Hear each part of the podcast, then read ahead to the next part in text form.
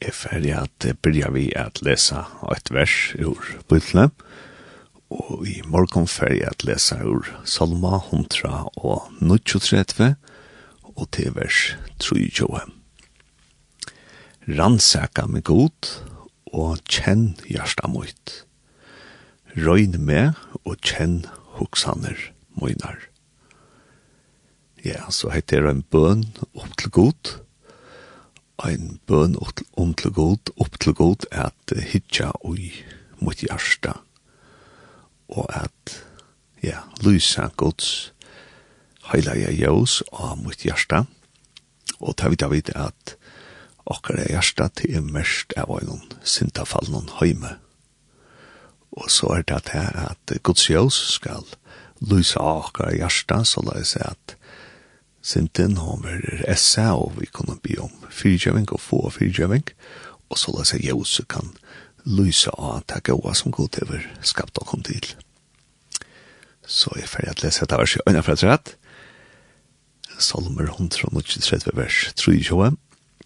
Rannsaka meg god, og kjenn hjertet mot. Røyn meg, og kjenn hoksaner munar. Og jeg fer nå at uh, sida sinter om uh, fyrsta Timotius er brav. Og det fyrsta som jeg fer gjør det er at jeg fer at lesa sinter opp om fyrsta Timotius er brav. Og heter Urene en som heter om bibli okkara. Og det var fyrja skolabøk av grunner som gaves her bøkene ut. Og det er at løsen leksian, det var under kjans og 25. Og Ja, og man kallar eh, tru prøv i Norge som hente pastoral prøvene, etla først kom vel det vi sagt hira prøvene. Og det er så fyrsta til Mozarbrev, 17 til Mozarbrev, og så er det Titusarbrev.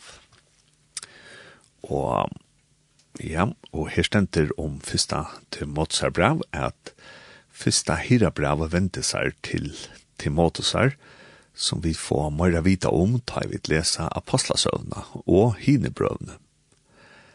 Timotheus kom opprunaliga ur Lystra. Mamman var av jødaat, men papen var grisker. Mamma og omma hans er høyde last han til høyla av skriftnar, og han hei kanska av bovum Paulus her, av fyrste pratik for hans er og i Lystra, tidsen vi kristnare trikv. Ta Paulus kom atter til Lystra av æro prædika for syne, vær Timotheus og i kvosfer en lærersvøgner, og ta tåg Paulus han visser av ferien vujare. Timotheus er sujan saman vi Paulus og atlare æro prædika for og av tøytrye. Han hjalte lærere søgnon, særlig at enderøysa vidskiftene i Thessalonka. Timotheus var eisne saman vi Paulus, da han satt fentje i Rom, og vær hans herra hakst elskeie og rønte lærersvøyner. Etter fått kyrkjelions hya arve, var Timotheus fyrste fyrstømme over kyrkjelige i Efesos, her han døye som punslavotter og i Arenon 25. Ta Paulus skriva i fyrsta Timotsar brev, var Timotheus statter ui Efesus. Hetta brevet er skriva til ein åndstakan mann, men ber to ikkje ein så Filemons brevet dam er at, er at vera et åndstaklinga brev. Paulus hever alt kyrkjelige og støvetess i hoa søgnom og så kommer sinter om tøyarfestingsna, av festen er første til Mozarbrava, og her stenter og jeg sier i bøksene at støvan og iver lust og første til Mozarbrava kommer ikke opp i det som vi annars vita om av søve Paulusar. Helt det verre at Paulus, så la som han skriver og i Filippe Braunon, var leten leiser ur fyrra verhaltesynon og i Rom, og og så gjerne sett i han mulig å versk en atlan om affæren affærer til Spania lands. Men øysene affærer en affær estretter til til dømes Kreta, Lutla Asia, Korint. Og av hesarfærene, til 17. færene, var brevet til Timotheus skriva. Og som det stod før, og tog som jeg lyser opp, så ta og Timotos fekk etta brevet fra Paulus, som han skriva i av 17. missionsfer, så var Timotos statter i Efesus. Og om årsøkene til etter brevet som Timotios fer, her stender i sær bøtjene at nå, mens og menkar fer avår, våre falslærarar, grunden til at Paulus skriva i brevet til Timotos. Ta Paulus helt ta ståro skillnavartalna fyrir tamon eldste og Jevsus, og avvære han taimon og møte vil læraren som ikkje øyra fylkjenon. Ja, fra taimon sjolvon skulle menn stuja opp som tala ta og i øvått er fyrir at lokka lærersvainan her at han av seg. Ta komst av år hans herra søttene, til hekta gjørdest øysene verileitje. Så altså Paulus hever avværa fire ståndmennar i Efesos at vill læra kan tega seg opp og ta gjerst sålai som Paulus hever sagt vittar, så her teker falslæra seg opp i Efesos. Og da Paulus av fjordur pratik fyrir søgne kom til Efesos, så fjordur han bøynløys i hyrna og i møte falslæraren. Av øynari etla erar i årsøk var det honom ikkje til å være nødlønnsje her, så at han fikk enda til struje møte falslæraren. Han let tog Timotheus være etter, og at halta fram etter struje, og at hava omsorgan, fyrir kyrkjelin, og til inn i hesa støvna at Paulus skriver til Timotheus. Så her er det altså vil lærarar ui mønjøytene ui Efesos, og Paulus han vil at Timotheus skal være i Efesos og få grøye av oss ned, og han skal vise omsorg han fyrir kyrkjelin, og til at veløya Timoteus hvordan han skal gjøre, så skriver Paulus et brev til han. Og man kan si at uh, til tver atlaner vi hesner fyrsta til Mozart-brevet, ta fyrsta til er at Paulus atlar at styrstja Timoteus og at stola honom og det er møveligt at Timotheus og Linte var lydlaten og stillfører til Sucha vid omkring stedet, og tog nyttest Timotheus at få stol, og han tør, tør var i øsne fri med til disse affæra til arbeids, og til Sucha vid eh, ferie til ferie og i Timotheus er at Paulus akkurat som etjar Timotheus og Timotheus ja, bytjer kjallsvire og kjallsallet opp tja Timotheus. Og ja, så det første til altså at uh, styrstja Timotheus og at stol honom og hans er gjerne Og det neste som Paulus hever som atlan visne braunon, kan man sige at til at han atlar er djeva, djeva gaura og løybøyna. Og Den her uh, atlanen, hon sast tydelig i kapittel 3, vers 15, her som Paulus skriver, «Fyrir at du skalt vita hos etter øyer, at vera færre fram og i godshuse som er kyrkjelig hins livande gods.» uh, Ja, og Ehm så för jag läsa han här om kvart er hövs sjönar mig och i hyra brövnon alltså just när pastoral brövnon tal sig första Timoteus brev och sjätte Timoteus brev och Titus brev. Och man kan säga att eh det är eh, två hövsmål som Paulus gärna vill främja vi att skriva sig brövne och det är först att han höjl näma läran och så är det att han höjl nærme læreren. Og et er løsning ikke kanskje snetet år, han høyl nærme læreren, og jeg vil hukte i språten, og i stedet for at sier høyl nærme læreren, så kan man sige kanskje at han fruska eller gaua læreren. Og her stender i bøtjen etter at just i hira prøvnum verir åre høylnæmer ofta nøyt, og jeg vil hukst bæge og i tøyingsna Tjadal og Tja Viktor og tar bruka bæger etter året høylemmer som altså mersker ta fruska ta gaua. Eh, åre som nyttverer er runde av griska åren om huggi einio, som vi øysne kjenner atter og i åren om huggi eina. Det er tog talan om tan sanna, ratta og røyna glede bådskapen. Hesa lære og henta glede bådskap ræver tog om at verja, værvøyta og strujas videre. Men samståndes så vil Paulus minna Timotheus og Titus av at værvøyta lærerna røyna og ratta, og at høyr øysene skulle halta seg fra bukton trætomalom til teir gagleis og fruktaleis, og tinnega som man høyrer ofta og i Timotsabraunen og i Tidsabraunen er at halte dikken fra treatomalen. Ja, og så var det hitt, altså, så det som Paulus vil fremja, kan man sija, og i snir Trimon Braunen, fyrst han til Motsabrau, søtna til Motsabrau, og Tidsabraunen til er tan ratta og sunna læran, og så vil Paulus og Øystein fremja tan ratta og sunna læraran, Og her stender rundt det at hira brøvne er skriva hiron, preston, taimon og jeg har finnst hira starv og er og fyrstå menn og kyrkli noen. Det har vært stundon sagt at hira brøvne er om embate og i kyrkli noen. Det er jo var rett, men de er oppater møyra om embetes anaran. Paulus nøyder ofta året pistos, ta han skal lysa til, som vil vanta av tænare herrens. Det kan hava trutja tøtningar, og i hava allsamma tøtning for i øynekvann som er i herrans tænastan.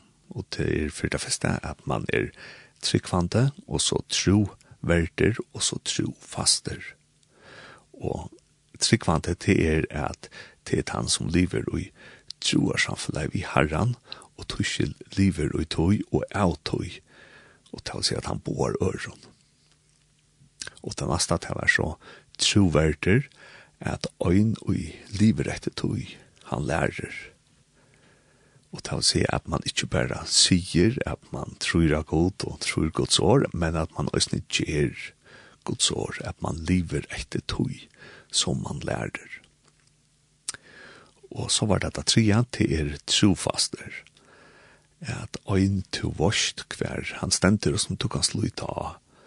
og anker at Iva stoi av Paulus så vi vi heve lært at vi smeta trofeste og tog for noen tar anker rundt fram honom som han har vanta seg akkurat av. Ja, så altså Paulus vil gjerna fremja til sunne og røyte lærerne vi til motsabråden og bavon og vi tidsabraunen og så vil han øysene fremja tann sunna og gaua læraran. Og her var det jeg sier trøytingene man skal være tryggvante og troverdier og trofaster. Og ja, stundtun så var det øysene ofta sagt at hvis du skal lese akkurat om hva kristendommen sier om løsle, så skal du lese akkurat Nehemias, og du skal lese første Timotsabrev. Og jeg er på selv professionelt vi løsle, og du har haft øyla stålen. Og hun har kommet at lese Nehemias og første Timotsabrev. Og vi som arbeider vi løsle, vi er kanskje nok så fokuserer jeg ofte på hvordan ser en organisasjon ut, og hva er løsle prinsipper hever en løyere, og hva hever man kanskje manna gongt og utøy samkommet et organisasjon som man hikker etter. Og ta jeg for ordentlig at studera Nehemias og fyrsta Timotsa bra, så har jeg råkna vi at nå fann jeg noen løsle prinsipper. Det er øyelig ofte det man leser i løsle bøkken. Men eh, Ja, nu har vi lyst det rettelig av vel, hvis det er måtte brev, og, og her er det ikke akkurat som klost noen løslige prinsipper. Det som er alltid er omtreningspunktet i tog som Paulus sier om hvordan Timotheus skal løye, og om hvordan løyerne i samkomne skulle løye, det er det er at man skal liva det ut som man sier. Altså det skal være samsvær og i midtelen, det som man bier til gods og sier om god ut fra skriften og så ta daglige livet som man lever. Og altså veveren til øyne sunna samkomme til at løyerne og følelseskjående de liva det som tryggven sier til øyne. De liva Jesus Kristus og han krossfestan ut og uttørrer gjerensdag. Ja, fyrsta Timotsa brau til ikke særlig lengt. Ja, og prøve å liste ut i økt, og det teker 20 minutter at lese første til Mozart brev harsht.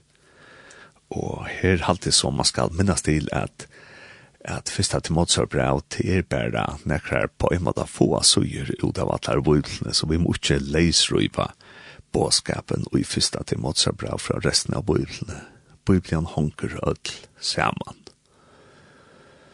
og så kan man sija at i vrørene så er det tru i musk ting i første Mozart brev. For det første så henvender Paulus her bøgnløys til Timotheus og ukkar han og stolar honom og bytjer han opp. Så til det første er Paulus henvendes her til Timotheus og det neste til er at Paulus grøyer Timotheus fra imeskon tinkon ui samkomne til kyrkjen, hvordan det skulle kipast. Om hvordan låsanker skal færa fram, om hvordan boan skal færa fram, om hva det er at vera en gauver samkomme tænare eller kyrkje tænare, og hva det er at vera en gauver samkomme løyare eller kyrkje løyare. Og det tria som så er i fyrsta Timotheus brev til det, at her er det trutjar, ischingar, så nok så tullja og i fyrsta Timotsa brav her er ein isching, og så er ein isching cirka og i mine av braunon, og så er ein isching og i møte enda noen. Og jeg husker nå at leseres her er trutjar ischingene er opp, og jeg velger at lesa der ur nutja sattmalanon tja biblifellan om fyrjon, og Og her stendte så løs ut til første kjentene. Ævenar er au forgåndkjelige og au kjønnlige. Tær, øynasta god, være dord om alter og atlar æver. Amen. Ja, det var sånn fyrsta yrkingen og i fyrsta til Mozart brav hon handlar så om god färger at god är er vi konker och förgångslir og okändlir Og så djever Paulus gode ærna, og i søttene helt av urskinsna. Ja, og takk av vi, nå leser jeg her urskinskan her ur Nutja, Sottmalan, og takk av vi, vi eh, eh snær nu just salt mal annan cha förska bibelfällan om till det att at ischingar nemlig er ju sätter upp som ischingar typografiskt som man ser där som man nu kommer og en texter som bryter fra og så han skriva rott upp i prosaforme. Ja, jeg får så at lesa 17 ischingina og i første til Mozart og heitet han ischingin som er i myene. Og her stender det her ischingina, han vær åpenberaver i holde. Gåtidkjen av høyla i andanon, sattur av ønklon, boavur, øtlon, menneskjon. Tro hava folk i høymanon, og han tidkjen opp til himmels. Så at medan den fyrsta yrkjengen snur seg om god som evenlige og avforgangslige og avkjendelige, så snur hentan her nasta yrkjengen seg om Jesus, at han var ombera vår i holde, gautidsne og heile janta, og satt der av øynklån, boa vår menneskjon, og så stod til hentan seg at folk hava tro av han, og at Jesus var tidsne opp til himmels.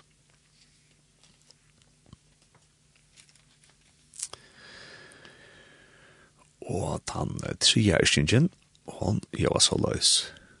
God leter til avdugast ta tøyen i kommen, at han er tan valsiknaie, tan øyne alvaldande, konkur, kongana og herre, herrana. Han er avdeiliger, han bor i et komande jose.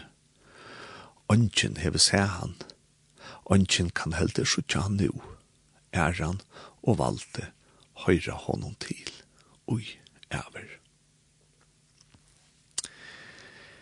Ja, så hendan her triarsingen, hon snur seg altså om at God han bor ui au at komande jose, og at God er så høylaver at ongen hever seg han, ongen kan sutja han, men at øynafer, ta tøyene komen som ta stender, ta vel god, av sonnen åpenbæra for ötla menneskjen, bæg de som er tro og de som ikke er tro, at han er den valsikneie, den allvaldande kongerkongene og herreherrene.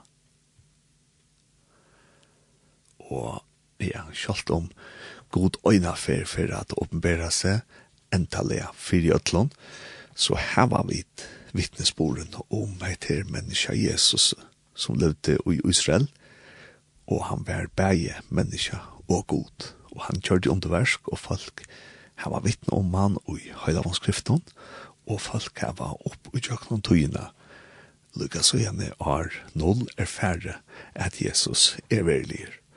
Og tog har vi en vittnesbord og Jesus om at han ombord, han verlige god, han verlige god som hent han er Ischingen sier, og ikke skal oppbæra seg for det. Øtlån av okkom. eh, ja, at han var så et senter om fyrsta til Mozabra. Og jeg fer nå at eh, spela en fløve som jeg har lyst til å etter. Eh, de som har fyllt av senter vi omkring sendikar som jeg har gjort. De vet at jeg har en særlig en AH i afroamerikansk om tannløyge. Eh, men det er så ikke det som jeg fer spela det er alt mer at uh, spela eh, tannløk fra øynene øren og AHA som jeg har. Og tann AHA-en som jeg har, han er eh, han er at mer damer ølja vel eh, klassiskar solmar og eh, og så damer man ølja vel at uh, tar solmaner tar er jakra som entergjørter og gjørter moderna er vi moderna om tonleitje. Og altså sunkner inn av nudjon, kan man sija. Og jeg ferdig at uh, spille av en fløv i det, som er sinte særlig. Den er fløvan, hon øyter uh, uh, Worship Cycle. Og det er så leis at uh, at Worship Cycle til er en sånn felagskaper og et nettverk av lovsangsløyeren. og tar møtast av og og USA til å skriva sanger sammen, til å tilbe gode sammen. Og ta i det så er sammen, så stytler det seg ut i en syrskel, en større syrskel, man kan sutja det YouTube, her er kanskje en hundra folk, hundra lovsangsløyare, og så synsja det så sammen. Og i 219 ta gjør det så det og i sånn worship cycle at de gjorde en høyla lovsangsfløve vi gamlån kjenton sankjon som de så hava modernisera. Og vi færre er at høyra en sangkavasjefløvne og hans sånn sangren han øyter Blessed Assurance.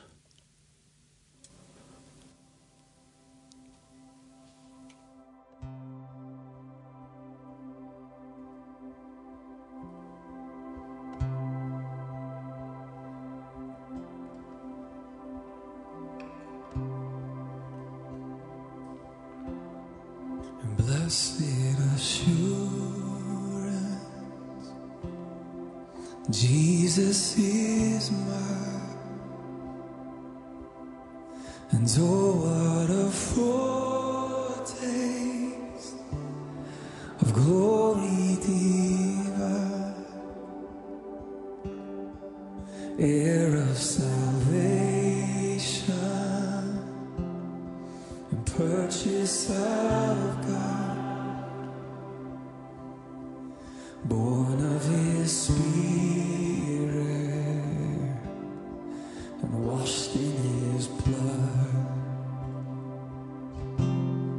And this is my story.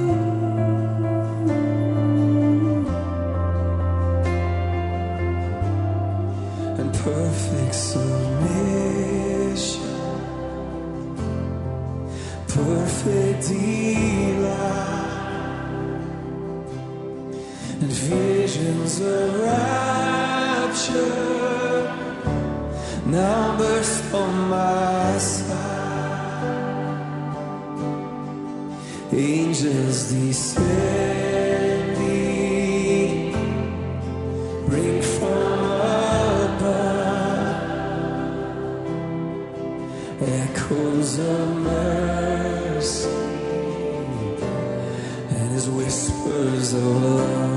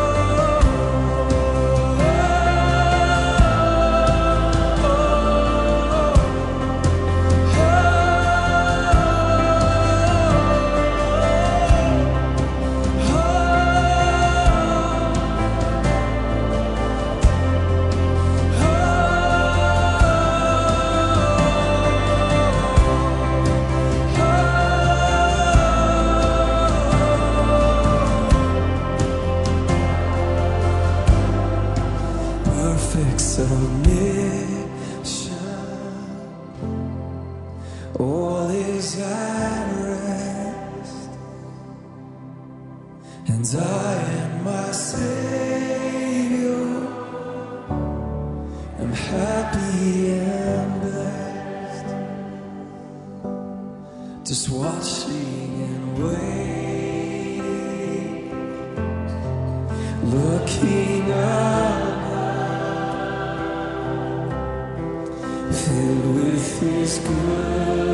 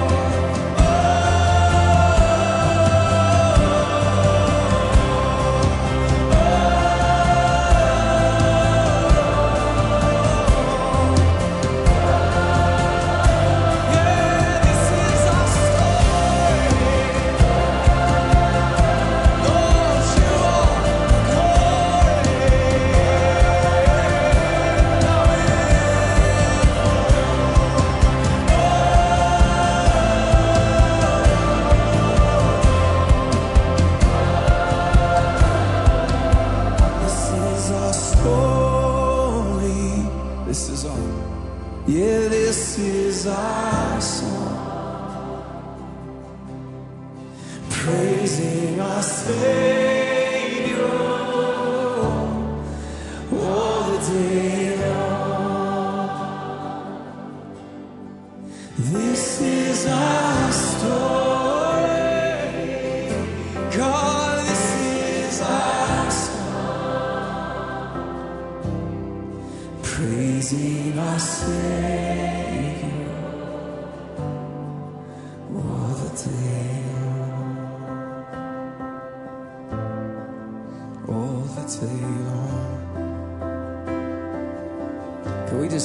voices and just begin to let out your own song. Begin to sing out your own song of worship.